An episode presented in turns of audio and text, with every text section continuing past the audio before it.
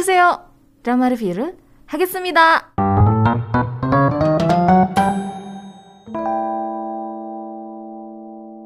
Sekarang saatnya untuk aku nge-review satu buah drama yang bisa ditonton di View. Judulnya adalah Red Balloon. Ini tuh dirilis sebenarnya di bulan Desember dan udah tamat di Februari tahun 2023. Nah, uh, waktu perilisan Red Balloon ini dia tuh harus bersaing dengan dua drama hits di pada saat itu ya yang sangat menarik perhatian para pecinta drama Korea. Dua dramanya apa? Yang pertama Reborn Rich yang tayang di bulan November sampai Desember. Uh, ini tuh di View juga, sama-sama di View. Terus satu lagi adalah Alchemy of Souls, Light and Shadow yang tayang di Netflix di bulan Desember sampai Januari 2023. Sementara untuk Red Balloon itu tayang di pertengahan Desember sampai Februari 2023. Reborn Rich ditunggu karena pemerannya Song Joong Ki. Alchemy of Souls uh, Light and Shadow ditunggu karena ini merupakan series yang kedua kan dari Alchemy of Souls. Dan dibikin penasaran kan kita sama season yang pertama. Uh, jadi dua drama ini tuh lumayan menyita perhatian, makanya Red Balloon mungkin agak-agak ketutupan gitu. Ditambah lagi dengan genrenya, karena Red Balloon ini kan sebenarnya drama yang cocok ditonton untuk orang-orang yang sudah menikah gitu, karena ngomongin soal pernikahan, makanya lebih segmented lagi kan gitu. Kalau dilihat dari perolehan ratingnya, drama Red Balloon ini awalnya mendapatkan rating yang biasa aja sih di 2, sekian persen gitu. Cuman memang drama ini terus mengalami peningkatan rating dan berhasil ditutup di episode yang ke-20 itu dengan perolehan rating 11%. Dan makin lama, mungkin karena dua drama ini juga Reborn Rich sama Alchemy of Souls, Light and Shadow udah tamat gitu. Terus si Red Balloon lumayan muncul cukup banyak di media sosial karena bikin greget penontonnya. Akhirnya berhasil mendapatkan popularitasnya sendiri gitu drama TV Joseon ini genrenya makjang sih. Soalnya kalau nonton drama ini tuh bakal bikin kamu tuh greget setengah mati sama para pemainnya, sama para karakternya. Terus memang di beberapa scene dibikin agak sedikit berlebihan. Ini tuh khas dari drama makjang. Drama makjang itu apa sih? Drama yang bikin kamu emosional. kalau kamu ngerasa lagi boring, lagi bosan gitu ya, lagi ngerasa kok hidupnya flat aja gitu, coba nonton drama Korea yang temanya makjang. gitu. Ya itu dia drama makjang agak sedikit mirip sih sebenarnya vibesnya tuh kayak drama Love featuring Marriage and Divorce dari Netflix. Itu juga TV Joseon deh seingat aku. Miripnya dari segi apa? Selain sama-sama makjang dua-duanya tuh padet dialognya gitu. Jadi di drama Love featuring Marriage and Divorce aja ada tuh satu scene yang eh satu scene satu episode yang isinya tuh adu mulut satu pasangan. Satu episode itu isinya cuma mereka ngomong terus. Nah di Red Balloon juga sama gitu dialognya tuh padat. Jadi kita yang nonton tuh harus benar-benar merhatiin banget apa sih yang lagi diomongin sama para karakternya Ada beberapa tipe drama Korea yang kalau misalnya kamu nggak gitu merhatiin dialognya Kamu cuma liatin si karakternya doang itu kamu udah ngerti. Sementara kalau Red Balloon kamu tuh cuma bisa paham kalau kamu nangkep si dialognya gitu. Karena kalau dari segi si karakternya nggak gitu banyak yang apa pergerakan yang ini banget gitu lebih ke dialognya sih gitu. Jadi benar-benar harus perhatiin banget. Sampai skip wah udah pasti bingung sama alur ceritanya. Aku nonton Red Balloon karena aku tipikal orang yang nonton tuh sambil ngelakuin apa gitu yang lain kan beberapa kali aku mundurin lagi aku ulang lagi karena bingung gitu. Ya itu sedikit perbedaannya antara Love Victory Marriage and Divorce sama Red Balloon. Sama-sama drama makjang sama-sama tentang pernikahan juga gitu. Jadi dua drama ini udah pasti nggak akan relate kalau misalnya ditonton sama kamu yang masih usianya remaja gitu. By the way drama Red Balloon ini ditulis sama Moon Young Nam yang pernah nulis drama Revolutionary Sisters terus ada Our Gapson dan drama-drama lainnya. Um, kebanyakan sih drama-drama keluarga makanya aku pun terbilang cukup jarang nontonin drama-drama yang ditulis sama Moon Young Nam. Aku kan jarang nontonin drama family ya.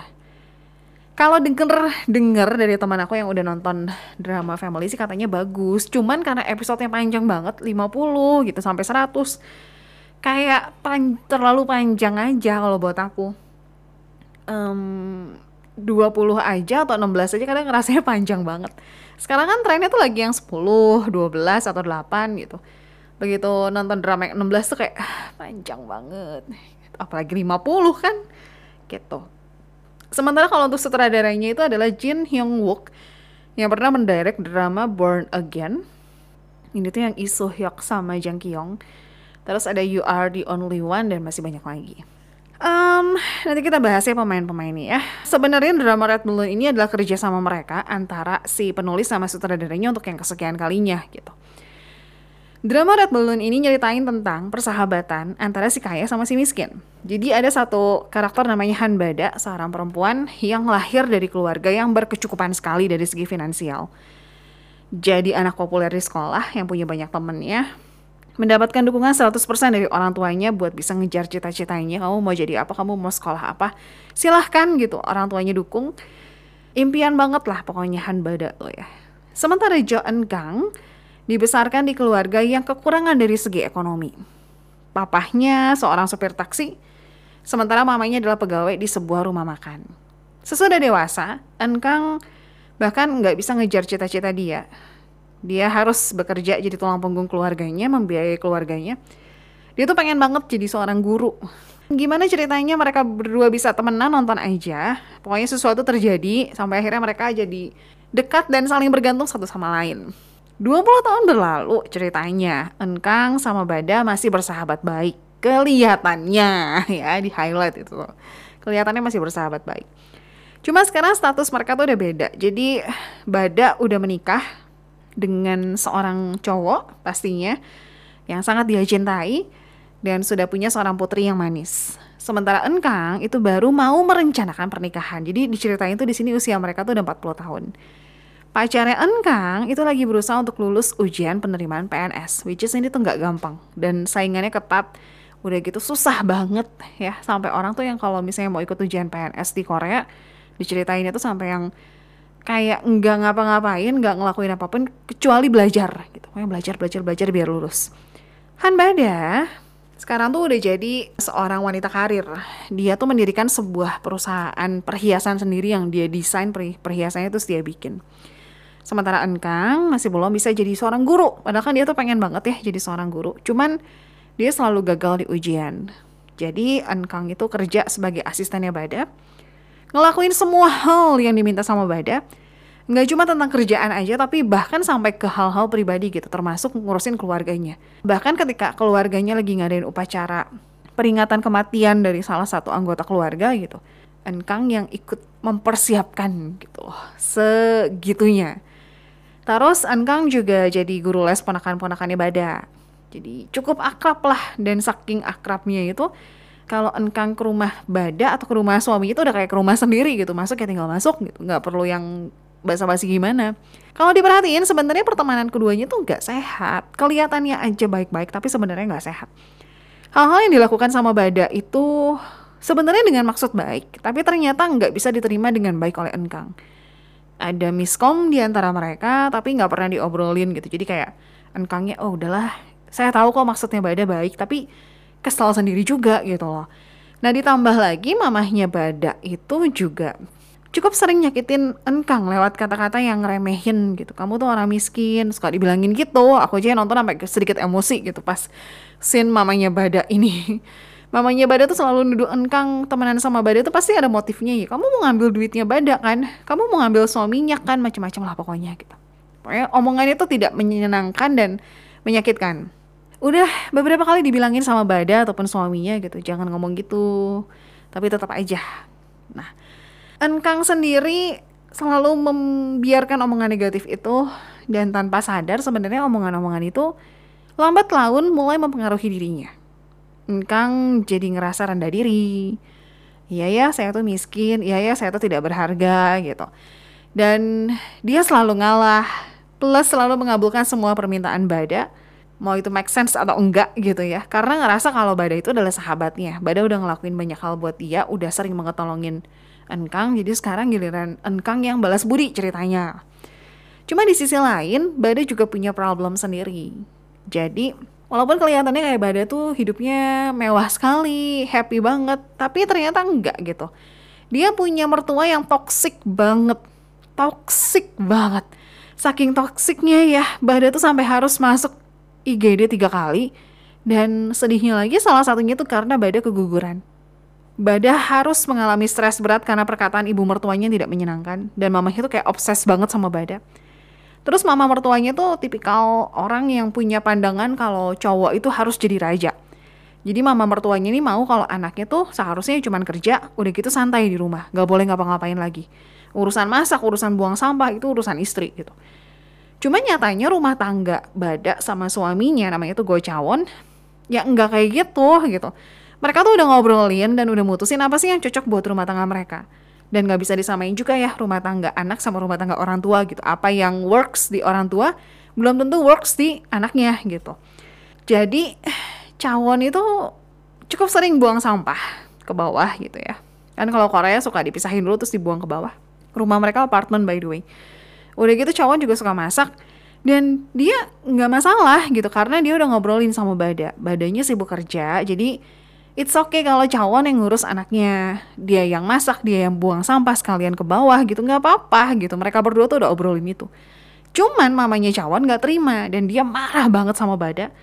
Sampai sebelnya gitu ya dia tuh sampai bilang udah kalian berdua cerai aja gitu loh sampai segitunya kan toksik banget ya permasalahan mereka akhirnya pecah gitu ya problem yang selama ini ditahan-tahan akhirnya meledak ketika pacarnya Enkang berhasil lulus ujian PNS tapi setelah lulus, Enkang tuh justru malah diputusin padahal dia udah berusaha susu sekuat tenaga gitu ya. Enkang udah berharap banget bisa cepetan nikah karena satu teman-temannya udah pada nikah sementara dia belum. Bada bahkan udah punya anak dia belum.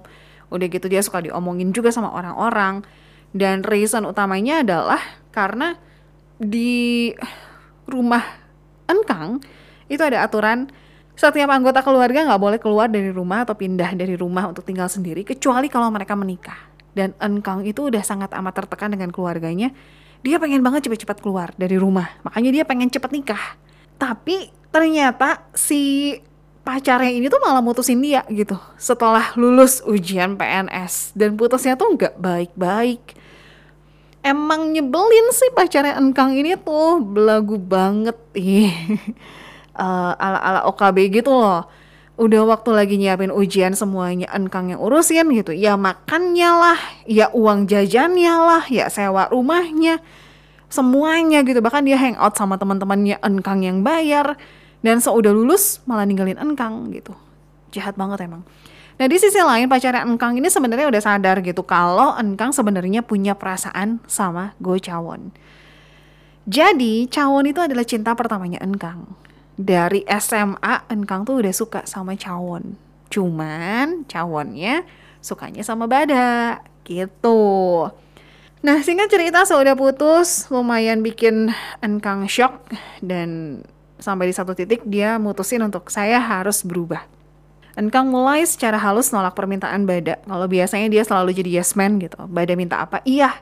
Bahkan ketika badannya lagi lelah sekalipun dia tetap iyahin gitu semenjak ini Bada mulai menolak dengan berbagai alasan yang dia bikin lah nggak bisa lah atau apalah gitu dan ada satu miskom yang lumayan fatal sih jadi after putus itu Bada pengen ngehibur sahabatnya ceritanya Enkang dia kenalin lah sama salah satu kenalan dia dan ternyata cowok ini tuh statusnya sudah pernah menikah.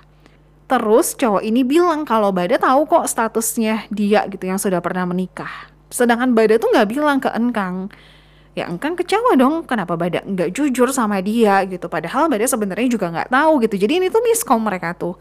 Dan ini jadi salah satu yang memacu engkang untuk ngebales Bada dia mulai ngerasa kok Bada tuh kayak uh, memperlakukan aku nggak kayak temennya ya. Kayak ngasih hal yang atau ngasih barang-barang yang emang Bada nggak mau baru dikasih ke engkang gitu seolah tuh seperti itu akhirnya engkang malah jadi pengen balas dendam lah ceritanya Nah yang menarik dari drama ini, Red Balloon ini adalah di drama ini tuh nggak cuma nyeritain karakter utama aja yang bikin emosi, tapi dari karakter-karakter lain, karakter-karakter yang ngebantu juga itu punya cerita yang bikin emosi jiwa. tapi sebenarnya tuh relate banget sama kehidupan sehari-hari dan sangat amat mungkin terjadi in real life sih.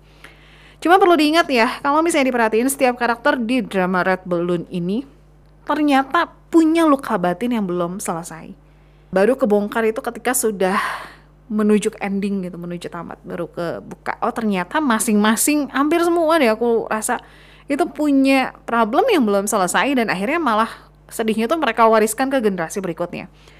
Enkang sama adiknya Ensan namanya. Sejak kecil tuh mereka selalu dibawa sama mamanya untuk ngelihat papahnya selingkuh. Mamanya sengaja bawa dua anaknya ini supaya anaknya lihat gitu. Miris banget ya. Dan ini yang bikin mereka trauma. Walaupun dari luar kelihatannya kayak mereka tuh anak yang kuat, yang bisa menengahi orang tuanya kalau lagi berantem, bahkan sampai Enkang sama Ensan gede pun orang tuanya tuh suka banget berantem. Tapi ternyata trauma itu berpengaruh besar loh sama kehidupan mereka juga gitu. Kehidupan Enkang dan Ensan. Sedih sih. Di sini tuh ngelihat mamanya tuh egois banget. Kayak hmm, mungkin maksudnya pengen meluapkan amarahnya gitu ya. Tapi dengan cara yang salah. Dia melibatkan anak dan akhirnya anaknya jadi trauma. Gitu. Spill sedikit ya. Salah satu penyebab papanya Enkang selingkuh itu adalah karena dia dulu waktu kecil tuh pernah ngelihat papanya selingkuh. Kan? Sih ya Maksudnya trauma yang enggak diberesin tuh bisa diturunin. Awal mula papahnya ngeliat orang tuanya selingkuh dan papanya jadi selingkuh. Dan sekarang anaknya gitu loh. Makanya penting banget ini yang perlu di-highlight, trauma itu harus diberesin, diselesaikan.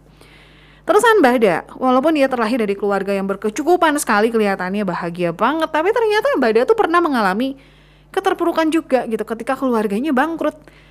Bada harus jadi tulang punggung keluarganya. Dia kerja mati-matian untuk melunasi hutang-hutang papahnya dia punya kakak sebenarnya tapi kakaknya tuh sama sekali nggak peduli nggak mau ngebantuin urusan ini gitu bahkan Bade sendiri ya sampai harus ngebohong ke pernikahannya ini juga salah sih dan Cawon nggak tahu gitu problem yang sebenarnya dialami sama Bada dan sesudah menikah Bada masih harus kerja keras untuk mamahnya dia nggak ngomong juga ke Cawon harusnya kalau udah suami istri diobrolin dong biar bisa cari solusi bareng-bareng gitu ini enggak cuma memang salahnya tuh ya itu Bada nggak cerita ke Cawon dan ini yang jadi miskom di antara mereka juga gitu.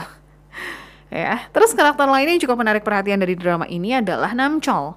Siapakah Namchol? Namchol ini adalah kakak ipar dari Chawon yang dari kecil tuh ikut sama papanya Chawon. Nah sebenarnya Namchol tuh pinter banget. Setelah dikuliahin dan sukses, Namchol diminta untuk menikahi putri pertama dari keluarga itu. Namchol nggak bisa nolak sama sekali. Tapi masalahnya hampir seluruh hidupnya itu diatur sama papa mertuanya. Bahkan walaupun Namcol disuruh untuk urus perusahaan nih, papanya papa mertuanya itu masih ikut campur dan seringnya tuh datang ke perusahaan terus marah-marah gitu. Terus kata-kata yang dikeluarin juga amat sangat merendahkan Namcolnya.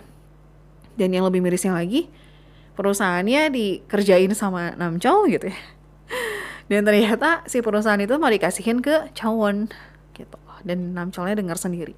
Jadi, ah, complicated banget lah. Tapi ya ada ada reasonnya gitu Cuman aku sendiri tuh paling greget ya adegan di mana Namco lagi dimarahin sama papa mertuanya depan karyawan-karyawannya. Kan dia tuh leader di perusahaan itu. Apa jadinya coba kalau karyawan hampir setiap hari ngeliat leadernya direndahin kayak gitu. Sampai si karyawannya aja tuh udah kehilangan respect sama si papa mertuanya gitu. Saking gitunya. Saking, ih keterlaluan banget sih, bener keterlaluan. Cuman again ada reasonnya kenapa papa mertuanya kayak gitu dan lagi-lagi reasonnya karena trauma yang gak diberesin. Belum selesai akhirnya diturunkan ke generasi berikutnya. Ya walaupun drama ini drama makjang tapi ya ada beberapa pelajaran yang bisa diambil. Yang pertama ah, udah jelas ya udah sering dimention juga hari ini atau mungkin di uh, siaran-siaran yang lain gitu. Kalau luka batin itu harus diobati dan diselesaikan. Apalagi kalau memutuskan untuk menikah. Luka batin itu bisa diwariskan Selain itu kondisi keuangan juga perlu diperhatikan kalau mau membina rumah tangga. Menikah itu nggak cuma tentang pesta di hari H aja, tapi after itu mau ngapain gitu. Kalau udah punya anak itu juga benar-benar harus dipersiapkan, karena itu tanggung jawabnya seumur hidup gitu.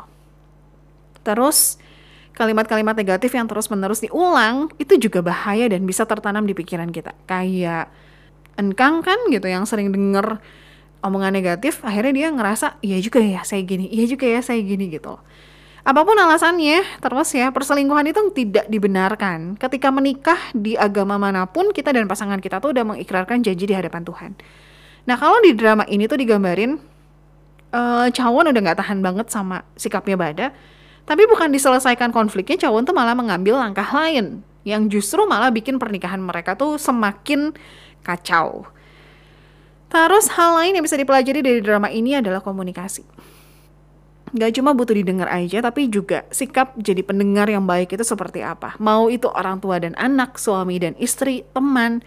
Komunikasi yang baik itu bakal bikin kita tenang, saling memahami juga gitu. Kalau misalnya ada miskom pasti ada problem. gitu. Ya, kayak misalnya di drama ini ya, Bada yang harus menanggung sendirian hutang-hutang papahnya gitu, yang bikin dia tuh nggak mau ngomongin hal ini ke Cawon. Kenapa? Karena dia takut pernikahannya batal. Dia takut mertuanya tahu dan akhirnya nyuruh dia cerai gitu. Utang ini menyebabkan Bada nggak sempat meluangkan waktu dengan keluarga. Dia sibuk. Nah, mulai dari sinilah akar permasalahannya. Terus, uh, Bada juga selalu mengandalkan Engkang untuk melakukan apa pun gitu. Sampai satu waktu, Engkang ngedenger kalau dirinya tuh dibilang atau disebut kayak pesuruhnya sama Bada. Pada saat itu dia cuma diem dan nggak pengen nanyain langsung perkataan Bada gitu. Dia cuman, masa sih Bada ngomong gitu? Kayaknya enggak deh, tapi ya udahlah gitu. Dan Engkang tuh justru bikin Bada hancur Padahal kalau udah bersahabat lama ya sebenarnya ya nggak ada salahnya kan buat dikomunikasiin. Yang bikin hatinya nggak menyenangkan tuh apa gitu, coba diobrolin. Ya, walaupun Red Balloon ini bikin emosi jiwa para penontonnya. emosi drama Bakjang, tapi ya ada banyak pelajaran dan hikmat yang bisa diambil dari drama ini. Drama ini tuh mengajarkan kita juga untuk memaknai apa sih arti syukur dan memaafkan gitu. Kedua sikap ini tuh butuh banget uh, walaupun dengan proses ya supaya bisa menetap di diri kita masing-masing. Terus mungkin ini juga jadi pertanyaan gitu ya. Jadi apa sih makna red balloon? Oke, jadi red balloon ini uh, red artinya merah kan ya. Merah itu melambangkan warna yang berani. Hmm, sedangkan balon itu digambarkan sebagai kebahagiaan, keringanan perasaan dan kesedihan. Dan balon juga dilambangkan sebagai kebebasan gitu ya jadi itulah red balloon dan di sini tuh diceritain juga kalau si Enkang tuh suka banget sama balon diceritain ya gitu terus ada sedikit persamaan antara drama Red Balloon dengan The Interest of Love. Karakternya si karakter si Enkangnya tuh agak sedikit mirip sama An So Young. Sama-sama kerja jadi tulang punggung keluarga udah gitu sama-sama membiayai kekasihnya untuk ujian PNS kalau kalian nonton The Interest of Love itu sedikit di atas Bakjang. Tingkat kesabaran nontonnya tuh kayak ih garagat banget. Itu asli satu level di atas Makjang lah Terus ada juga beberapa yang bilang kalau drama uh, Red Balloon ini agak mirip sama Parasite karakternya, gitu. karakter si uh, Enkang sama Kiwu gitu ya. Drama ini bisa ditonton di Vio ya dan udah tamat jadi kalau misalnya kamu mau uh, apa tuh namanya ya sekali beresin gitu ya mau cepet-cepet pengen ditonton terus sampai beres udah aman karena sudah beres.